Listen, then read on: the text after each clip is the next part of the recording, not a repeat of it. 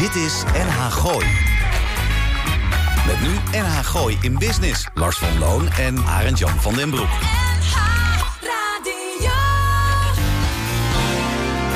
Elke vrijdagmiddag tussen 5 en 6 toonaangevende en nieuwe ondernemers uit de regio.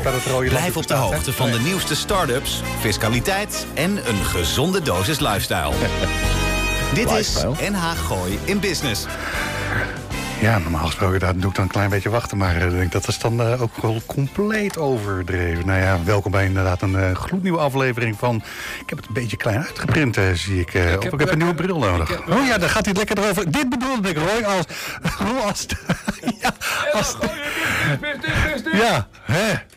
Fantastisch. Ik, ik, geef het voor de uitzending, zeg ik nog eens, weet je nou wat nou een leuk idee is? Dat we iets opnemen en dat hij dan compleet uit het rood uh, knalt. Nou, dat heeft iets, uh, iets lekker te letterlijk uh, genomen, zo te zien. is het de vriendniveau om de week af te sluiten en het weekend goed te beginnen. Ja, ik zet even mijn bril op het puntje van mijn neus. Inderdaad, die wekelijkse vriendniveau waarin je bijkletsen over inspirerende methoden van zaken doen in het algemeen. En zoals de naam doet vermoeden, die van Gooise business in het bijzonder. Mocht je dit ergens in de derde eeuw na Christus terugluisteren. We nemen deze op op vrijdag... Um, we zitten alweer 3 september, september 2021. Hallo jongens, mijn naam is Lars van Loon. Links naast mij uh, Arend-Jan uh, van den Broek. En tegenover ons hebben we maar één technicus uh, deze middag. Dat we hadden waarschijnlijk aan het geluid al lang, ja, al lang begrepen. En dat is Roel Meijer, 06 voor al uw technische op het gebied van geluid.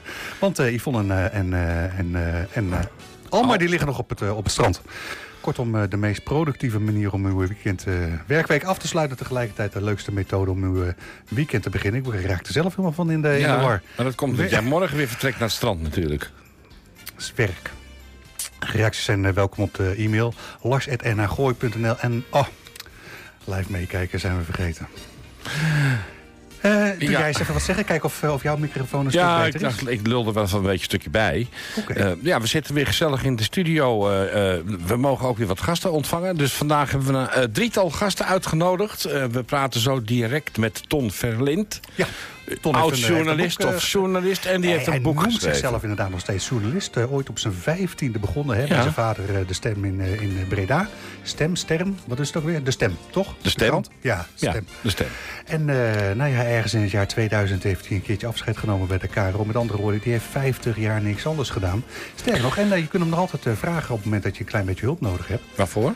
Uh, allerlei advies op het gebied van media en aanverwanten. Ah, oké. Okay. Ik dacht om journalistje te spelen of zo. Ik ben ooit bezig geweest om naar de school voor journalistiek te komen. Daar werd ik niet aangenomen. Ik begrijp nog steeds niet waarom. Ik op de toneelschool en de, en de en hoe zeg je dat, en de mannenkernschool ben ik ook af geweest.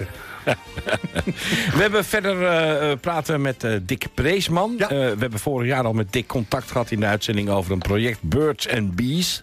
Dat is afgelopen woensdag in orde gekomen. En dat staat te bewonderen op de single Nest. Daar gaan we even over praten. Heel leuk project. Wat leuk. En je hebt gevraagd aan... En als we het dan toch over boeken hebben, dan denk ik van... nou, dan kunnen we Klaas Wilting ook nog wel eventjes uit. Ja, die schrijft aan de lopende band. Nou, nee, dat is het tweede boek, Bas. Oh. Uh, want Klaas heeft inderdaad ook, uh, wat is het, een paar weken geleden geloof ik... dat zijn tweede boek uh, uitkwam.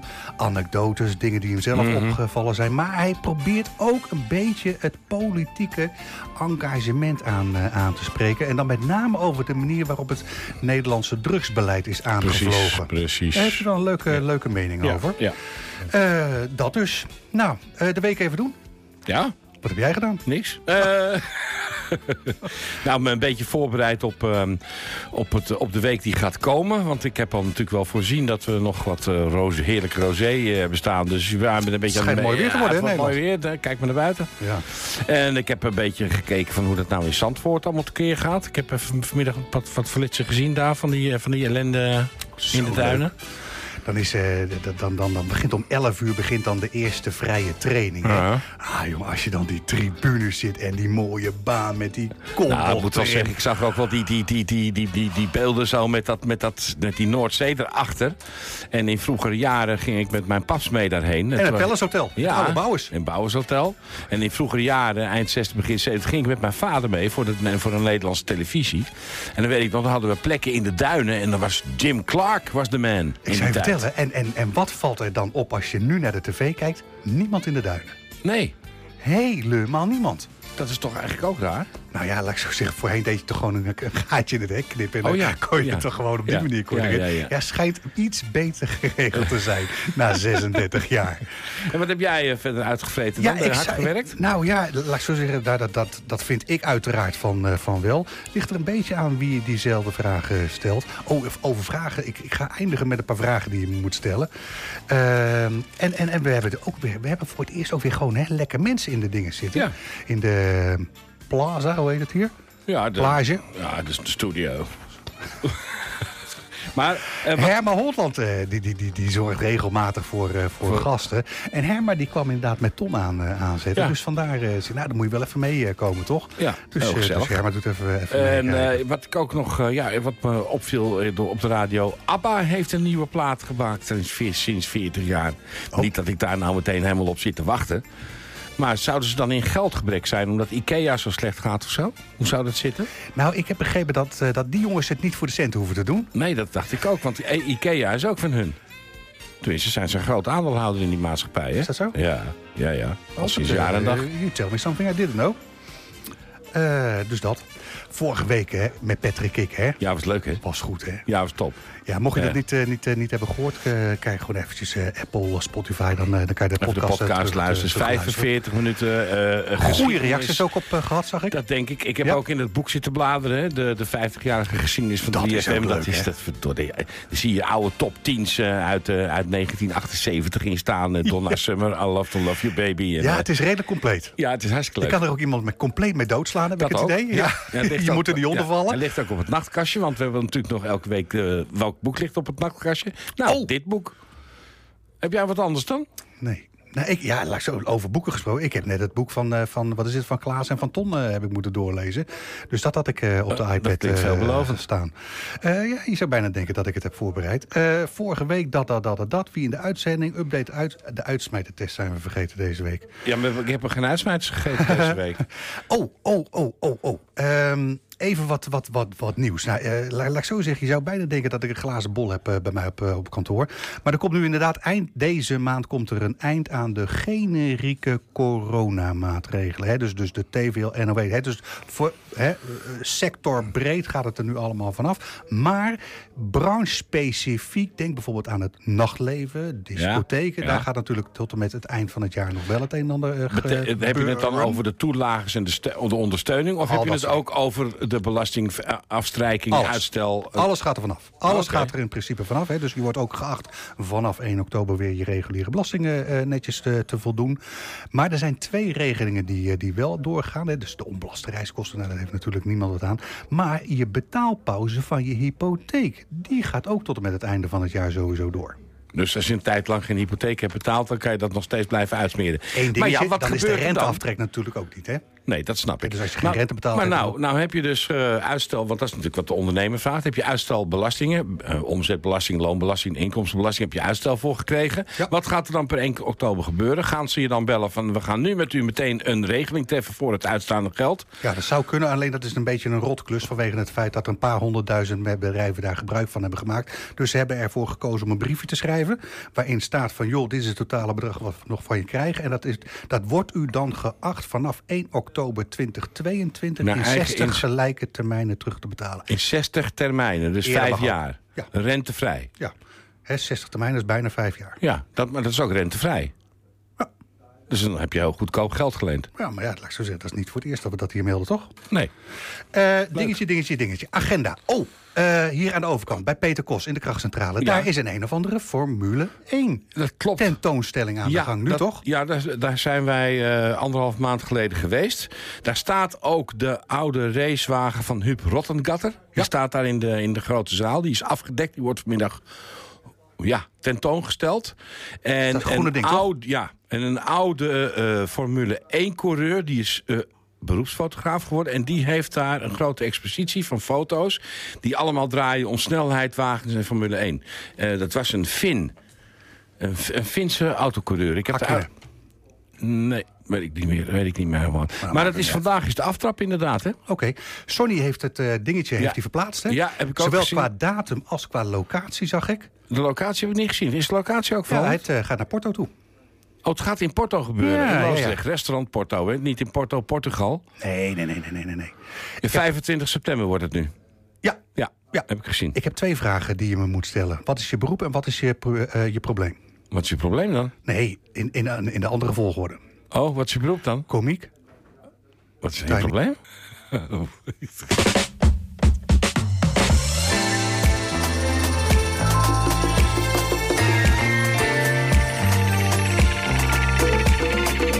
Dit is NH Gooi in Business. NH Gooi. Bruno Hors. Alweer. Alweer? Vaste gast. Nee, jouw nieuwe single. Ja. Het is een paar weken geleden uitgekomen. Maar dat doet hij tegenwoordig niet uh, meer alleen. Dat is heel lekker. Dat ik had eigenlijk uh, verwacht dat we de nieuwe ABBA wel zouden draaien. Maar ja. ja, maar die heb ik dan nog niet in de computer zien oh, staan. Oh, ja. we, hebben, we kletsen zo dadelijk met, met Dick Preesman. En Klaas Wilting is inmiddels in de studio gearriveerd. Dus wat dat betreft gaat nog best, best aardig. het wordt een leuk uur. Die kans is groot. Die kans is groot. Ik sluit het niet uit. denken, denken, denken. Ton Verlind heeft vrijwel heel zijn werkzame leven in de, in de media doorgebracht... en kan om die reden vanuit ervaring stellen dat het een, eh, een schitterende slangenkuil uh, betreft. Hoe toevallig tevens de titel van zijn boek... dat een paar weken ge, uh, geleden terug verschenen. Wat dat betreft uh, klopt de zin niet, uh, niet helemaal.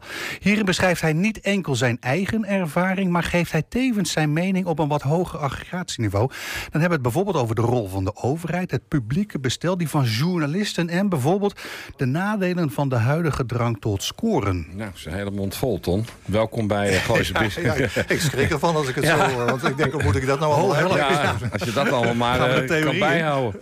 Ton, welkom bij Gooise Business. Je hebt bovengemiddeld verstand van uh, hoe de media werkt. Wij zijn bijvoorbeeld natuurlijk niet het eerste programma waar je aanschuift. Kun je een schrijver van een willekeurig boek zonder deze ervaring uitleggen... hoe je zoveel free publicity kan creëren? Uh, Zo, nou, ik ga even zitten. Ja, dat is uh, een kwestie van een stelling uh, betrekken... die tegen de heersende opvatting ingaat. Is dat het? En, en die goed uitleggen, zorgen voor controverse en tegenstelling. En dan ontstaat er discussie in de media, ja. En welke stelling heb je dan voor gekozen? die, die, die, die nou ja, is opgepakt? Ik, ik, uh, kijk, ik heb jarenlang voor de publieke omroep gewerkt. Hè? En de, de publieke omroep is uh, ooit in het leven geroepen... om bestond uit verschillende onderdelen. Namelijk omroepen die een stroming in de samenleving representeerden. Elke omroep had een identiteit en die omroepen waren met elkaar via programma's in discussie. En, en zo kreeg je aardige informatie vanuit verschillende invalshoeken. Ja, ja. En toen ik mijn boek aan het schrijven was... Toen uh, realiseerde ik me dat er uh, in al die tijd ontzettend veel uh, druk op omroepen is uitgeoefend... om mee te bewegen in een tendens om er één geheel van te maken. één grote organisatie. En ik dacht, Daarin zijn we te ver gegaan. We hebben dat gedaan omdat we het geheel beter wilden maken. Omdat er eh, wensen van de overheid lagen. Dat, dat, was de officiële reden, denk ik dan? Ja, en, en daarin hebben we meebewogen. En toen ik aan het schrijven was, toen dacht ik... ja, misschien zijn we te veel uh, meebewogen. Want uiteindelijk is het bestel zoals het ooit uh, bedoeld was... Uh, ja, dat, dat bestaat niet meer. En ik dacht, laat ik dat nou maar eens gewoon hardop zeggen. Oh, ik dacht dat het met name, uh, hoe zeg je dat, ingegeven was vanuit de kostenbesparing. Ja, waar, er waren verschillende redenen om de publieke omroep te, te organiseren, te reorganiseren. Het moest goedkoper. Drie kantines, hè, eh, zeven HR-afdelingen. Ja, eh, was allemaal, was, was, was allemaal gekken op een boekhoudafdeling. Als je het nou over beeldvorming hebt, dat was natuurlijk allemaal geweldig overdreven. Was het, het, had een functie en zo duur was de publieke omroep niet. Zeker als je het vergelijkt met onze omringende landen. Maar dat beeld dat werd neergezet, dat is het neerzetten van een frame. Eerst schets je iets als iets heel negatiefs en dan moet je het gaan reorganiseren. Uh, er was ook een andere eh, reden om te, om te reorganiseren. Uh, de commerciële omroep kwam op. Er gaat veel geld naar de publieke omroep. Dus er ontstond, denk ik, aangestuurd vanuit Den Haag... de wens om zoveel mogelijk mensen te bereiken... voor die 800 miljoen euro die er in de publieke omroep wordt geïnvesteerd. En vanaf dat moment is het misgegaan omdat kijkcijfers dominant waren. en ja. hoge kijkcijfers haal je door een aantal trucs toe te passen. Ja. En dan zitten we weer bij het punt van jouw vraag net. Hoe haal je de publiciteit? Ja, door, door spektakel te, te, maken, door op de emotionele toer te gaan, door een paar trucs toe te passen... waardoor je uh, publiek uh, trekt. En waarom heeft de media, uh, laat ik zo zeggen... jullie, jullie hebben er een heel veel bovengemiddeld verstand van. Waarom is het jullie dan niet gelukt om dat tegengeluid te bieden? Zeg, jongens, het gaat toch ook vooral voor wat we in ieder geval in heel veel soort publiek doen... eigenlijk toch meer om de inhoud? Nou ja, dat hebben we natuurlijk jarenlang gedaan. Uh, maar steeds was er weer die uh, wens om de programmering te verbeteren. De rol van de omroepen terug te brengen. En daar, daar, zaten, daar zaten ook wel reële zaken in. Omdat een aantal jaren geleden werden alle programma's van alle omroepen over één zender. Werd op één ja. zender geprogrammeerd. Hè? Dus de omroepen hadden ieder een eigen zenderavond. dat was voor de omroepen prettig. Want daardoor kon je ja, zelf... profilering was... zoals jullie als omroep ook graag neer willen zetten. Uh, toen werd op een gegeven moment vastgesteld... ja, dat is niet, meer helemaal van uh, deze tijd. Je kunt uh, beter een genreprogrammering gaan doen. Dus op vaste avonden bepaalde soorten programma. Nou ja, zo, ik zal niet die hele programmeringsfilosofie uitleggen... maar er was behoefte om een aantal dingen te verbeteren. En dat was terecht. Maar dat verbeteren is geleidelijk aan overgegaan in het totaal opheffen van het bestel... zoals we dat kenden en zoals het bedoeld was. Nou ja, en op een gegeven moment ga je dan voor eigen parochie prediken natuurlijk. Laat ik zo zeggen, uh, uh, de VARA gaat, gaat natuurlijk de eigen verhaaltje... terwijl de NCV ook... Ja, maar dat kon... dat kon, dat kon samengewerkt kunnen worden dan? Nou, er is zoveel samengewerkt... dat er nu eigenlijk één grote totale ja. publieke omroep is... met een, een, een uh, overheersende visie op, uh, op de samenleving. Juist de, de, kleur van die verschillende omroepen is, uh, is verdwenen. Terwijl... Is dat erg in de huidige constructie? Want ja. we hebben het natuurlijk over een verzuilde structuur. Hè? Ja. Alles, alles zo, zowel de politiek als de om, het omroepbestel... zijn uit verzuiling naar voren gekomen. Met een, vaak een geloofsovertuiging of een geloofsachtergrond. Ja. de kerken lopen leeg. De geloofsovertuigingen veranderen enorm. Daarmee gaat ook de politiek en het omroepstel veranderen? Ja, die, die verzuiling bestaat eigenlijk niet meer. Hè. Dat verzuiling was de katholieken hebben een eigen omroep... Ja, en de protestanten precies, hebben een uh, eigen omroep. Dat, dat is opgeheven, dat is uh, goed. Maar nog nooit uh, is de samenstelling van de, van de samenleving zo divers geweest als op het ogenblik. Ja, dat wordt alleen maar meer. Er, er wordt onge ongelooflijk gediscussieerd. Er is ja, grote is... ontevredenheid over de Haagse uh, politiek. In de Tweede Kamer niet anders dan in Hilversum, uh, zou je kunnen zeggen. Klopt. Nou ja, juist het feit dat er zoveel verscheidenheid zit in de samenleving... zou ook rechtvaardigen dat al die verschillende... of een groot deel van die verschillende opvattingen... binnen de publieke omroep goed hoorbaar zijn. Maar dat is toch de reden dat... wat is het, uh, uh, ONS en uh, dingen er, er toch wel zijn toegelaten afgelopen jaar? Die zijn toegelaten en eigenlijk past dat binnen het principe van de Nederlandse publieke omroep. Maar wat ik van daarbij heb meegemaakt is dat er een sterke invloed is op individuele omroepen om zich te gaan gedragen zoals de Nederlandse publieke omroep, de NPO, het centrale apparaat, het eigenlijk wil. kijk naar Poont. Ja. Is een aantal jaren uh, geleden ja, toegetreden. Had, had toegevoegde waarde had toegevoegde waarde, opereerde heel brutaal... ging op een andere manier met politici om dan de reguliere omroepen. Dat werd eigenlijk ontzettend gewaardeerd door een deel van het uh, publiek. Uh, maar dan zie je dat zo'n omroep met een eigen opvatting... Uh, zijn programma's aan de randen van de nacht moet programmeren. Want eigenlijk heeft de publieke omroep dat liever niet.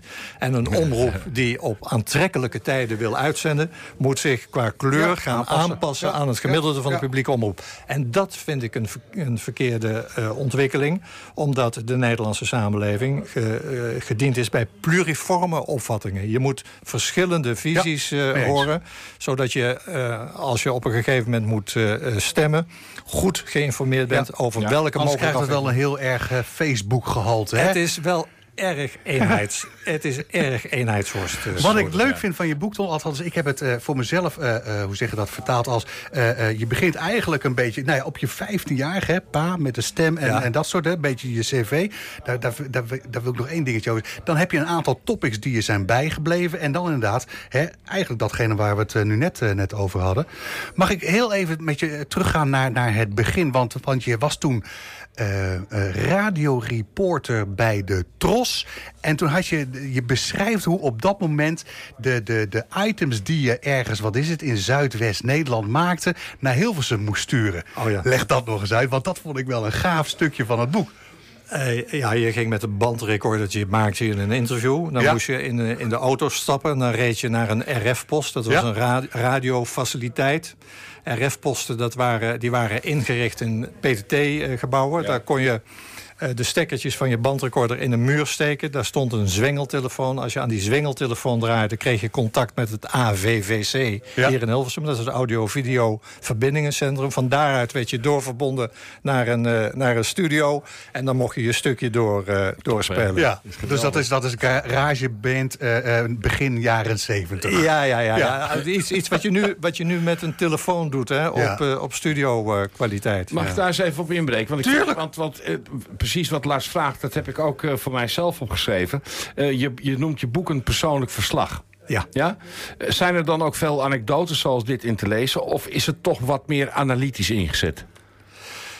Ja, het is, het is van alles een beetje. Want ik, ik heb het een, een serieus boek willen laten zijn. Ik, ik heb uh, ontwikkelingen in de Nederlandse samenleving willen, willen beschrijven. Dingen die mij opgevallen zijn. Ik wil uh, vanuit mijn visie aangeven waar ik denk dat het niet goed gaat. Uh, ja. en, en wat een deel van de woede in de samenleving uh, verklaart. Maar ik vertel dat aan de hand van gewoon hele leuke achtergrondverhalen. Ja, precies. Ja, en dan ja. anekdotes niet in de zin van allemaal dingen om mee te lachen. Hoewel er die ook wel in zitten.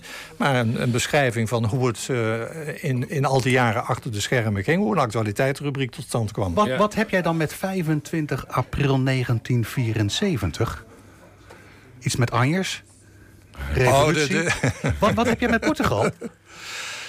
Ja, op, op zich heb ik niet zo verschrikkelijk veel met Portugal. Behalve dan, Jammer dan dat... Nee, nee, nee, kan, mij viel het op. Ik, kan, ik kan het uitleggen. Portugal was ooit een dictatuur. Hè? Ja, en heel kort geleden. Dat, dat, dat is heel kort geleden. En ja. wij weten dat nog nauwelijks. Wij denken dat ja. in, in Europa de democratie ja. en voren vanuit is die al jarenlang bestaat. Maar wij hebben de dictatuur nog uh, meegemaakt. En ik vond het buitengewoon fascinerend toen op een gegeven moment in uh, Portugal de dictatuur uh, eindigde. Doordat de bevolking in opstand kwam tegen het toenmalige bewind. dat volksverzet was zo sterk dat de Anje-revolutie uh, ontstond. Heel vreedzaam. Uh, waarbij de, heel vreedzaam, ja. omdat de, de militairen op een gegeven moment ook wel begrepen dat, dat, dat het regime niet meer hanteerbaar was. En die weigerden te schieten op de bevolking. Ja. En de bevolking beloonde dat door Anjers in de loop van de ja. geweren te steken. Ik was toen jong aankomend verslaggever bij de eerstvolgende democratische verkiezingen uh, vaardigde de Hilversumse omroepen een uh, deputatie verslaggevers af naar uh, Portugal. Daar was ik bij. En uh, wat voor mij daar levendig werd uh, in, in de sfeer, in die messen, mensenmassa, wat daar gebeurde. De, de verhalen die ik van mijn ouders uh, had gehoord over de, de Tweede Wereldoorlog. En, en de afloop van de, van de Tweede Wereldoorlog. De, de, de sfeer, de blijdschap. Ik kon mij daar nooit de voorstelling van maken. Want het waren allemaal maar verhalen. En toen ik daar in Portugal tussen stond, toen dacht ik, ja, zo moet het geweest zijn. Want het is het, het uniek dat je dat aan de lijve kunt, kunt ervaren. Ja, ik wil je graag ook nog even meenemen naar een, een, modernere tijd waar we nu in zitten. Want je hebt het in je boek over COVID en de maatregelen erbij. Is, het een, uh, is, is, is dit een oprecht verhaal zoals dit gebeurt? Uh, of, is het een, of, of gaat deze COVID-hype die ook politiek ondersteund wordt... nog verdere uitwassen krijgen in de samenleving naderhand? Nou, ik denk dat uh, de, de, de COVID-crisis onze samenleving voor langere tijd uh, echt veranderd heeft. Omdat er alle mogelijke... Blijvend? Ja, Want je hebt het veel over, blijvend. Je hebt het veel over in je boek over dat de samenleving niet ontspoord is, maar de overheid ontspoord is. En ja. in, die, in, in, in dat gezichtspunt ook naar wat je zegt over COVID. Ja, COVID heeft het uh, nodig gemaakt om die crisis te beheersen. Was het uh, nodig om een aantal uh, maatregelen te treffen... die onze vrijheden nogal beperkt hebben. Hè? Iedereen ondervindt het aan, aan de lijve. En wat mij opvalt is dat de, overheid de afgelopen jaren uh, burgers een beetje als verdachten is gaan zien. Als, mm -hmm. als vervelende mensen die zich niet aan de regels houden... en die in de klauw gehouden moeten worden. Precies. Een duidelijk voorbeeld is de toeslagenaffaire... Ja, waarbij absoluut. de overheid helemaal misgekleund heeft vanuit ja. het idee... burgers zijn oplichters en die moeten we goed in de smies houden. En zo is er in de loop van de tijd een beetje van een hele coöperatieve samenleving een aantal jaren geleden... waarbij burgers veel dingen zelf regelden met steun van de overheid... Heeft, de, heeft de samenleving zich ontwikkeld tot een samenleving... waarin veel overheidscontrole is vanuit de filosofie... burgers blazeren de boel. Je noemt het ook de controlestaat. De controle. Dus, dus van coöperatieve samenleving, samenlevings, uh, een, een, vriendelijke samenleving... waarbij we het samen deden, naar een samenleving... waarbij de grip van de overheid steeds groter wordt. Wat heeft het nou met covid te maken? Uh, uh, je ziet, en dat is overigens niet per se een complot... of dat gaat niet per se uit van slechte bedoelingen. Uh, er, er, zijn controlemaatregelen genomen om de, om de covid-crisis te beheersen. En je ziet altijd dat de controlemaatregelen om een crisis te beheersen... wel worden afgevaardigd, maar nooit meer helemaal verdwijnen. Er blijft altijd een element van controle bestaan. En dat is een tendens die ik in mijn boek zie... Een samenleving die zich van een vriendelijke samenleving ontwikkelt... waarbij burgers grote mate van verantwoordelijkheid hebben... vertrouwd werden door de uh, overheid... heeft zich ontwikkeld naar een samenleving waarbij burgers veel te veel als verdachten worden gezien. En dat is een, een ontwikkeling die je wel in die 30, 40 jaar journalistiek ziet ontstaan. Ja, Ton, ik had uh, nog, uh, nog 32 items genoteerd op mijn lijstje... vanwege, hè, om eventueel te bespreken. Dat gaan we net niet redden. We hebben nog twee gasten. Kopen, en, en, en, ja, en Ferry Maat zit, zit achter ons. Ja. Waar, waar, waar kunnen we je boek halen? Gewoon, gewoon bij de plaatselijke boekhandel, toch? Uh, ik, ik ben ervoor bij de lokale boekhandel. Ja. Koop lokaal, maar verder is het gewoon het boek te kopen... bij, bij alle grote leveranciers en ook bol.com. Maar ik geef de voorkeur aan de lokale boekhandel. Duidelijk. En dan hebben we het over het boek van, van Ton Verlind... Een schitterende slangengo.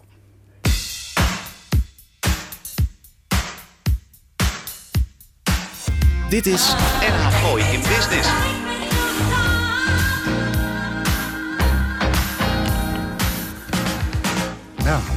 We moeten het maar weer op deze manier oplossen. Wat hebben we gedraaid van uh, Advance? Uh, anderhalve uh, minuut?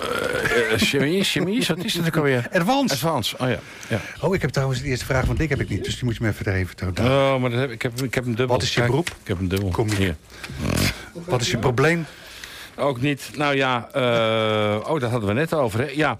ja, we hadden vorig jaar... Ja, moet je even doorbladeren, Lars. Dan vind je hem vanzelf. Daar is hij, kijk. Kijk, vorig jaar, ik denk ergens in juni, als ik het goed heb... toen we nog alles telefonisch moesten doen... in dit ontzettend wervelende radioprogramma... toen hadden we vorig jaar Dick Preesman aan de telefoon... over een project in wording, Birds and Bees. Nu, een klein jaar later, spreken we Dick gelukkig in de studio... want hij is aangeschoven aan tafel. Afgelopen week werd het eerste Birds and Bees kunstwerk in Eemnes onthuld. Burgemeester Ronald van Bentum en presentatrice Liza Wade van het Jeugdjournaal... verrichten de bijbehorende plichtplegingen. Zo is het, Dick. Uh, welkom bij uh, Gooise Business. Dankjewel. Op mijn briefje staat dat, uh, dat je een spannend jaar achter de rug hebt. Maar goed, het, het, staat... hè? Het loopt. het staat er wel. Sterker nog, in meerdere gemeenten heb je me net verteld klein beetje, toch een klein beetje trots? Ik ben ontzettend trots. het is uh, een prachtig, uh, prachtig project geworden. Uh, het staat nu in Eemnes en ja, boven verwachting groeit het en bloeit het zoals het hoort te zijn. Niet schrikken, je moet die microfoon gewoon op radio. Dus ja, ja, ik denk dat het een beetje is, onderdeel dichterbij van Die imitatie nog eens even van dit. Zeg, van jullie zeg. Nee, nee, anders krijg ik uh, Klaas oh, ja. zo meteen op de ja, nek. kijk, Klaas in het. Maar daar praten we ook nog mee zo. Hoe omschrijf je het zelf, dat project? Het is een, uh, ja, uh, een kunstproject voor jonge kunstenaars en uh, voor kleine kinderen van groep 3. En het is kunst ontmoet natuur een beetje meer eigenlijk. Zo, zo beschrijf ik het. En moeten die monsters zelf een kunstwerk in elkaar lopen knutselen? Of? Die kindertjes die, uh, krijgen allemaal een bijenhuisje aangeleverd. Dat wordt gemaakt door Sherpa. Dus ja. dat is ook wel weer prachtig gebeuren. En die gaan ze mooi beschilderen als de kunstenaar vertelt hoe hij zijn werk maakt... en hoe het eruit komt te zien. Zo gaan de kindjes het maken. Maar jij bent verantwoordelijk voor het eerste werk wat nu in Eemnes aan de Ik heb het eerste werk gemaakt, ja, klopt. En dat komt uit een, uh, uit een achtergrond, want je bent eigenlijk al 30 jaar uh, beeldend kunstenaar, hè? Ja, eigenlijk wel. Zo'n beetje. Ja, want ik weet wel dat je, dat je zelfs tot in Italië hebt geëxposeerd vroeger. Klopt, ja. Ik heb een beetje over de hele wereld wel geëxposeerd. En de laatste jaren ben ik eigenlijk bezig met dit soort projecten. dit vind ik eigenlijk leuker om te doen dan continu met je, je hele hebben en houden het land in te trekken. Of, en hoe komt dat? Want laat ik zo zeggen, ik heb uiteraard hè, het nodige van je gezien wat je gemaakt hebt. Van, van, van waar in de verleden tijd? Want ik vind het mooi. Ik ook. Ja, ik, dat wil niet zeggen dat ik niet meer schilder. Ik schilder oh, natuurlijk nog steeds en ik verkoop het dan via mijn website. Uh, nee, dat niet. Uh, mijn eigen schilderijtjes uh, gaan allemaal op de website. En kunst oh. aan de dijk doe ik dan nog wel mee. En dat soort kleine ik zag wel een webshop knop. Alleen die, die, die, die linkt inderdaad eventjes niet door. Nee, die, die heb ik nog niet geactiveerd. Want, want, want ik zag onder andere ook een kopje hè, voor, voor bedrijven. Zou je bijvoorbeeld uh, een, een, een kantoor-etage uh, kunnen inrichten met, met wat is het, post-cobra-achtige schilderijen? Dat het een beetje een eenheid krijgt? Nou, dat heb ik hier in Huizen gedaan. Bij Schaapkaas onder andere. En bij Cheese Partners. En dat zijn twee bedrijven die ik totaal heb ingericht qua kunst. En, en, en hoeveel, hoe lang is dat geleden? Ja, dan vraag je me wat. Uh, Cheese Partners is denk ik een jaar of tien geleden. Oh, okay, en okay. Uh, Schaapkaars twintig jaar geleden. Ja. En daartussendoor heb ik uh, het Palace Hotel gedaan... en nog meer bedrijven wel voorzien van kunst, ja. Maar laat ik zo zeggen, in heel de wereld zijn, ik geloof, een duizendtal Palace Hotels, hè? Welke, welke heb jij gedaan? In Utrecht. Oh, oké. Okay. Ja. We hadden het over Zandvoort. Eigenlijk bijna al. Dus vandaar, ja. Ik wil dus bijna zeggen eigenlijk allemaal, maar dat is uh, een beetje overdreven. Uh, Dick, even terug naar het project. Uh, je hebt het hele verhaal zelf opgezet en betaald. Je hebt daar een aantal producenten bij betrokken. Die, vertel eens even hoe de organisatie in elkaar zit. Ja, nou goed, ik heb het idee bedacht. toen heb ik Edwin van Meurs, filmmaker, heb ik erbij gehaald. Die heb ik het laten lezen, die was enthousiast. toen zijn we begonnen uiteindelijk kwamen we erachter dat we er toch wel wat meer mensen bij moesten hebben. Dus dan hebben we Marie-Louise Lomans. Die is dan nu uitvoerend producent. Komt bij Endemol vandaan, begreep ik? Uh, bij bij uh, John de Mol vandaan, ja. ja. En uh, nou, zo zijn we met z'n drieën zijn we dat hele project uh, een beetje gaan uitwerken. En uiteindelijk hebben we een hele crew erbij gecreëerd. Uh, uh, en uh, dat is de vaste crew. Dus die hebben allemaal eigenlijk gratis meegewerkt aan dit programma om dit te maken, de pilot. En iedereen heeft zijn deel gedaan. En ja, nou gaan we kijken of we het kunnen slijten stapje bij de omroepen. Stapje ga je ook een route nu inzetten? Want ja, er zijn een paar klopt. gemeentes bijgekomen. Ja. En je vertelde dat als het smakelijk, dan kun je lekker op je fiets stappen en nou, vertel het zelf maar. Nou ja, goed. Uh, de gemeente Baren uh, die, uh, is geïnteresseerd. de gemeente Soest is geïnteresseerd. Amersfoort, Bunschoten, Spakenburg, Eembrugge. Al de beelden worden geplaatst langs een route van de ANWB. Uh, dus als je in Eemnes je auto parkeert en je kijkt daar naar het beeld... en dan stap je op je fiets en dan fiets je lekker de hele route af... en dan kom je bij Eembrugge, ga je met het pontje weer terug... en dan sta je weer in Eemnes. Dat is 32 kilometer. Tussendoor kom je restaurantjes tegen waar je wat kan eten... met een bonnetje van uh, Birds and Bees. En uh, helemaal top. En dat gaan we dan straks in, uh, bij Leeuwarden en Groningen ook meemaken? We gaan het uh, eigenlijk door het hele land heen doen. Telkens uh, in, in groepjes verdeeld in een provincie. En dan pakken we de volgende provincie en dan weer. En zo gaan we alle provincies af. Sponsor, sponsoren? Wat, wat heb je nodig om dat mogelijk ja. te maken? Uh, nou ja, veel geld natuurlijk. Ja. Want het is, uh, de productie is best, kost een best centje. Ja. Met name de voorfinanciering hebben we het dan over? Ja, onder andere. maar eigenlijk... ja, we moeten gewoon alle mensen kunnen betalen. het hele programma moet, moet draaiend gehouden worden. dus ja, dat gaat nog wel wat kosten. Je had het ook over uitzenden. We gaan proberen om dit uh, onder te brengen bij, uh, bij de omroepen. En dan, en dan om daar, vandaar dat Lisa Wait erbij was? Van, uh, ja, Lisa is, Lisa is Lisa. presentatrice geweest van 13 Klok, in de oorlog en Klokhuis onder andere. Ja, en die doet het geweldig. Ja, die hoort gewoon helemaal bij dit programma. Ja, dat zag ik. En dan heb je natuurlijk meteen de intree om daar naar binnen te kunnen komen met het verhaal. Misschien. Uh, ja, kijk, we hebben, we hebben een goed programma. Dus uh, ik denk dat dat uh, het belangrijkste is om binnen te komen. Ja, lijkt me ja. duidelijk. En, ja. en, en waar heb je dat programma staan? Heb je dat al ergens online staan? Want dat zag ik op jouw website, zag ik dat niet terug? nee, we hebben wel een Facebookpagina gemaakt nu. De montage moet nog gedaan worden. Dan wordt er een pilot gemaakt en die komt op, op Facebook te staan. Op YouTube te staan. En bij de gemeente Eemnes komt het op de pagina te staan. Dus het heeft straks wel een klein stukje bereik al. Als je bedrijfsmatige sponsoren zou zoeken, waar zou je dan aan denken? Ehm, ja, dat zou ik zo snel niet zo weten eigenlijk. we zijn bezig nu met Prins Bernhard Fonds. daar zijn we al heel veel mee gevorderd eigenlijk. Uh, Fonds 21 zijn we mee bezig. En uh, daar kunnen we in ieder geval straks de eerste tien afleveringen maken. Zou je dus ook wel, uh, laten we zeggen, bedrijfsmatige sponsoren kunnen gebruiken? Ik kan me voorstellen dat er een bedrijf die zegt, daar wil ik... Eh, we hebben hier in de uitzending bijvoorbeeld Pink gehad. Nou, dat, zijn, dat zijn ook wel mensen die geïnteresseerd zijn in dit soort dingen. Dat, je zou een oproep kunnen doen. Ja, dat was, dat, het, het, pro het, probleem is, het is een kinderprogramma natuurlijk. sorry? Toch? Wat? Omdat de Beatles niet konden, dat, dat, toen hadden we Pink, toch? Ja, dat ja. Pink. Nou ja, beter ook. nee, kijk, uh, het is een kinderprogramma natuurlijk. Uh, en in kinderprogramma's kun je niet adverteren. Uh, zelfs niet? op de af aftiteling. Ja, nee, dat, dat zijn tegenwoordig strenge regels. Dat kan niet meer. Maar je kan toch gewoon die, die, die schoolbesturen aanschrijven? Of... of... Dat zou kunnen. Ik, de bedoeling is eigenlijk dat de scholen... Dat de scholen ja, ja, ik, ik, zie dat jullie heel goed meedenken. Maar de bedoeling is eigenlijk dat de scholen niks hoeven te betalen. Oké. Okay.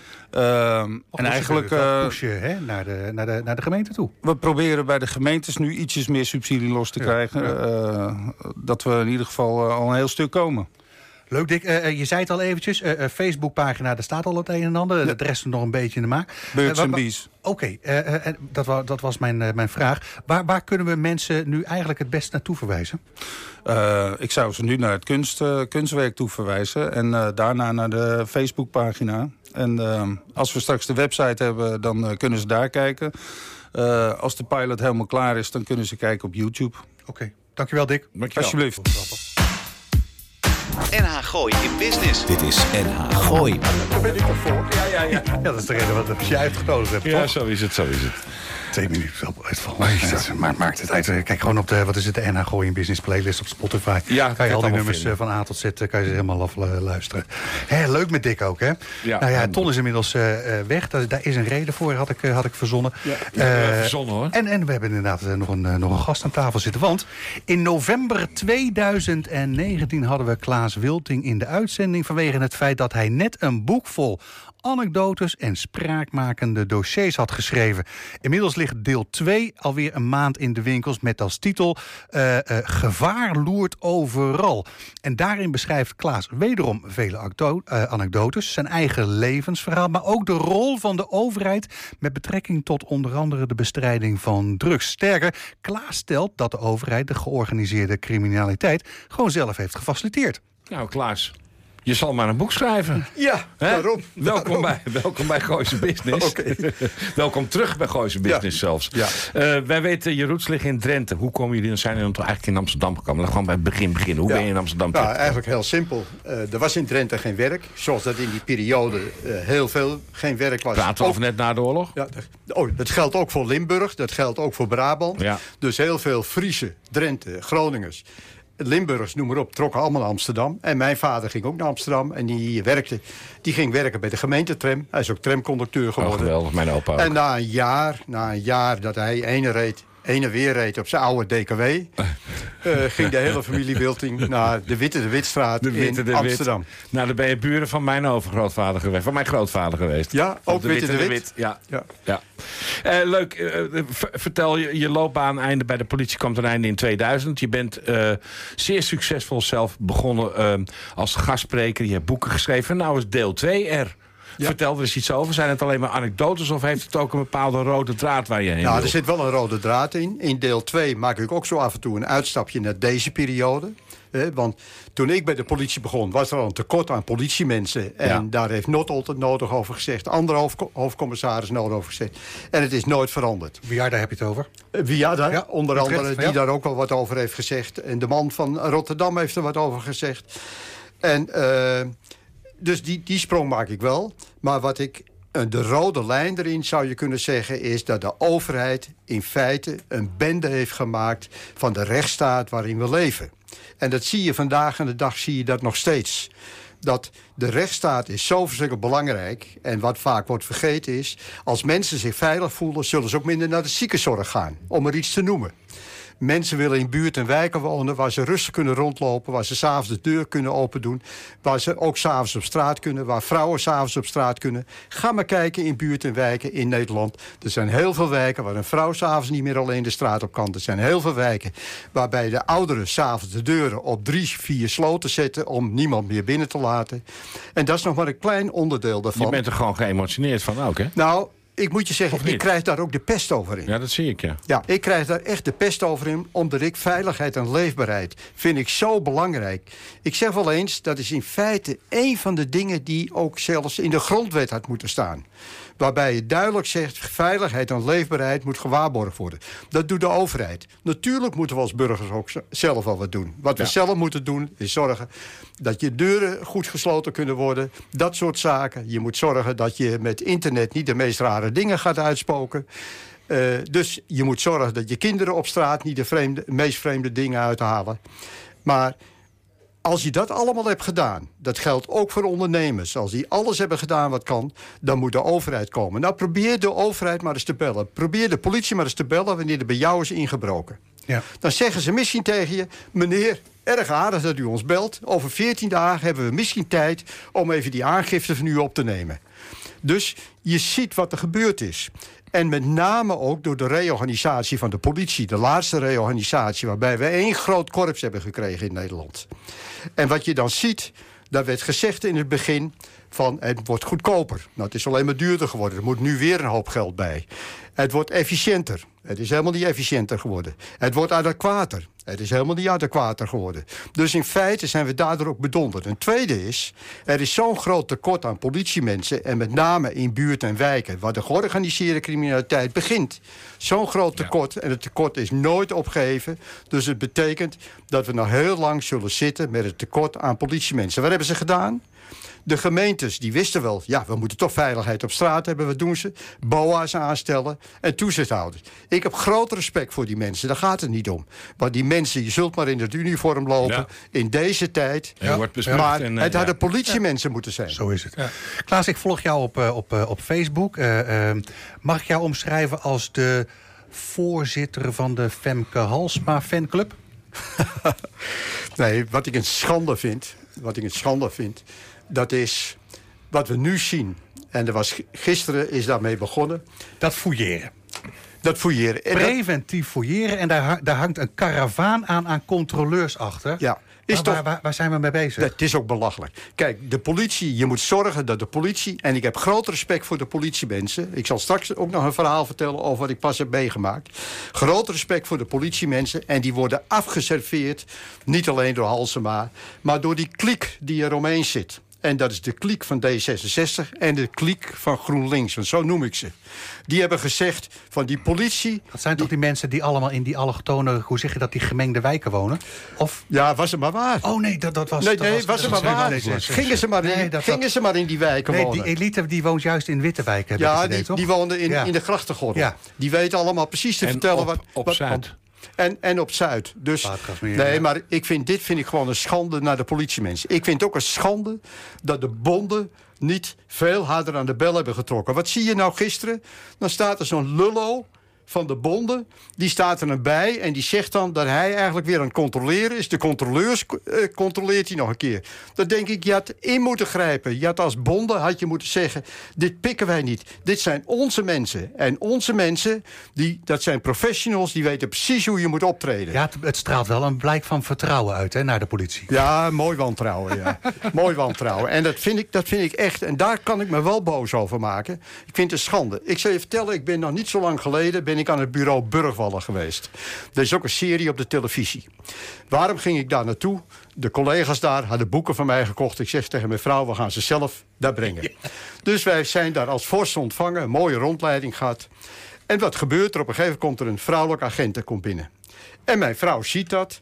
En die ziet wat hij allemaal om zich heen heeft hangen. Nou, wat heeft hij om zich heen hangen? Oh. In mijn periode moest het wapen moest onder het jasje... want het zou wel eens agressie kunnen opwekken. Zo gek waren ze toen ook al. Maar goed, een koppel, daar zit een wapen aan, wapenstok... Uh, handboeien, pepperspray en noem maar op. Mijn vrouw zegt, mag ik het eens om hebben? Nou, je breekt je rug bijna. Vervolgens, als ze s'avonds of, als ze s'avonds of s'nachts de straat op gaan... Dan hebben ze een kogelsteek weer een vest om... met voor het hart nog een keer een extra plaat. En ik hoorde daar... En iedereen heeft dat aan, Klaas? Die de straat op gaat, s'avonds dus wel, en uh, s'nachts. En ik hoorde daar dat 70 tot 80 procent van de mensen die ze s'nachts aanhouden... meest jonge mensen, dat die allemaal of een mes of een vuurwapen bij zich hebben. Dan moet je eens voorstellen. Ja, die politiemensen waar je die instuurt... in die buurten en wijken... en ze doen het. En ze treden daar fantastisch op. En die politiemensen worden zo beschamend neergezet... door Halsema en de, de D66-figuren en de GroenLinks-figuren. Dat vind ik een schande. Daar kan ik me echt boos over maken. Hoewel ik nou, van nature een vriendelijk mens ben. Uh, uh, je bent ook een groot voorstander van het feit... dat we de IS-vrouwen even terug moeten halen, las ik. nee, kijk, ik, ik nee, vind... Je hebt het alweer raken. Ja, nee, Jezus, nee, nee, voorbereiden. Nee, ik, ik, oh, oh. nee, nee, maar ik, ik vind gewoon dat mensen die echt in de problemen zitten... Ja. en die onze hulp nodig hebben... moet je helpen. de asielzoekers moet je helpen. Daar ben, ik, daar ben ik absoluut niet op tegen. Maar als je ziet ten aanzien van die IS-vrouwen... die zelfstandig zijn vertrokken naar een land waar de meest vreselijke dingen zijn uitgesproken... denk ik, je bent daar zelf naartoe gegaan. En daar blijf je maar lekker. En die moeten wij niet hier naartoe halen. Want wat halen we hier naartoe? Dacht je dat in ene, in die periode dat ze daar gezeten hebben... dat het gedachtegoed wat zij hebben, dat het in ene verdwenen is? Al die verhalen schijnen al inmiddels uh, afgestemd te zijn. Hè? Wat je moet vertellen op het moment dat je deze kant op komt. En als ze dan hier gestraft worden, ga maar kijken... dan krijgen ze misschien drie jaar, misschien vier jaar komen ze in die gevangenis, kunnen ze ook nog weer een keer bij elkaar komen. Dacht je dat na die drie, vier jaar dat gedachtegoed weg is? Maar, maar zo'n gevangenis tegenwoordig is ook een vrij open inrichting. Daar kan je ook van alles uithalen, heb ik al lang begrepen. Ja, nou, dat, dat is Kla Klaas, Klaas, eh, een beetje teruggaan naar, eh, naar, het, eh, naar het boek. even een paar, paar actuele thema's. Alleen, jij bent zo'n lekkere gast, hè? dubbeltje erin en de knaakt eruit. okay. je, je, je, hebt het met name in het boek, dat is het laatste gedeelte... over de manier waarop we de drugs eigenlijk verkeerd hebben aangepakt in Nederland. We hebben de meest rare subsidies verstrekt. Uh, uh, wat, wat, heel, heel kort nog even daarover. Nou, kijk, dat is natuurlijk... We zijn begonnen met een gedoogbeleid. Ja. Dat was eerst met de softdrugs. En we kunnen praten over softdrugs. Misschien is het niet, slecht, niet al te slecht. Maar goed, uiteindelijk kom je wel in een zwaardere... Sterker nog, je noemt het in je boek het domme gedoogbeleid. Het domme gedoogbeleid, is het ook. Gedoog is altijd fout. Als je zegt dat softdrugs strafbaar is, dan is het strafbaar.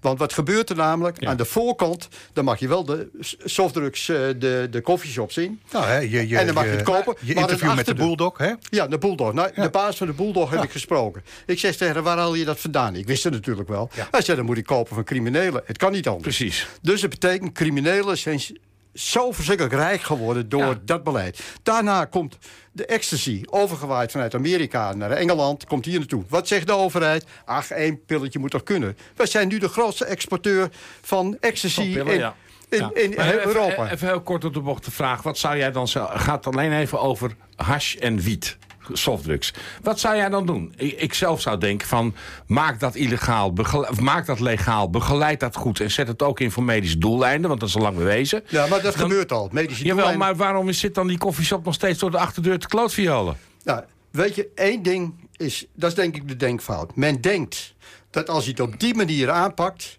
dat die criminelen dan niet op een andere wijze aan de gang gaan. Nee, die hebben nog veel meer dus, spelingen natuurlijk. Dus wat gaan die doen?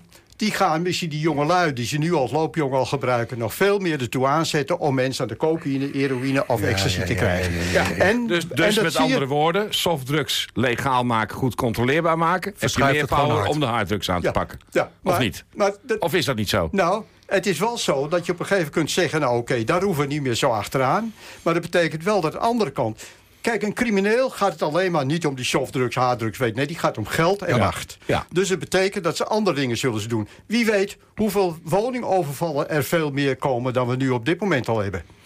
Daar, je moet toch nadenken, als je op een gegeven moment zegt dat is vrij, dan moet je wel nadenken wat zouden die criminelen eventueel kunnen doen om toch aan hun geld te komen. Want criminelen zeggen niet, nou oké, de softdrugs is vrij en nou ga ik We beginnen wel een, een krantenwijk. Ik begin een krantenwijk. Of, of, ga, een leuk, of ga een leuk boek schrijven. Ja. Zo, Klaas, uh, heel, heel kort. Uh, wat was je leukste burgemeester? Ed van Tijn. Ja, toch? Ja. nee, maar dat, dat geldt precies hetzelfde. Waarom hebben we niet meer een man als Ed van Tijn... en waarom hebben we niet meer mensen zoals Erik Nottold? Ja, ja. zo is het. Ja. het is, Dankjewel, man. Het is wederom gebeurd. Een uh, compleet uur, uh, nou ja, met, Heel goed met leuke gasten. Heel goed gebruikt. We begonnen met, uh, met Ton Verlind. Ton Verlind, oud-journalist, boek geschreven. Geen goed nu met Ton, hè? Ik, zou je vertellen... Dat is heel toevallig, ja. ja normaal, Klaas. Dus, dus ik lees eerst jouw boek vanochtend, vervolgens dat van, van, van, van Ton. Vanaf twee, pagina 200 in het boek van Ton... daar word je geloof ik 723 keer genoemd. Ik denk, oh. dus toen jij te laat was, dacht ik van, oh help. Oh, die heeft, die heeft de aankondiging, zie die komt niet. Nou, ja, goed. Gaan we volgende week ook nog wat Technici, co-host, ja, ik heb van alles voorbereid. Dank allemaal. Uh, tot volgende week en goed weekend. Ja. Zo is. Het nieuws uit je achtertuin. Dit is NH Gooi. NH Radio. Hallo, mijn naam is Code Kloet en ik luister iedere vrijdagmiddag naar NH Gooi in Business met Lars van Loon, Yvonne Verburg en Arend Jan van den Broek. Ja, als ik een keertje niet kan luisteren, het komt weinig voor, maar als, dan luister ik het gewoon terug via Apple iTunes of Spotify. Hashtag NHGIB. NH Gooi in Business. Luisteren! U weet inmiddels, ik heb jaren geleden gekozen voor Lichtdrink en de Wit. Ze nemen mijn volledige administratie uit handen. En die tijd kan ik echt beter besteden. Uiteraard zorgen zij ervoor dat ik niet te veel belasting betaal. En ik kan ze ook nog eens altijd bellen, zonder dat ik daar een extra factuur voor krijg. Dus bezoek de site lichtering-dewit.nl Of beter nog, bel ze gewoon. Want ondernemer, dat ben je 24-7. Lichtering en de Wit, voor een financieel gezonde bedrijfsvoering.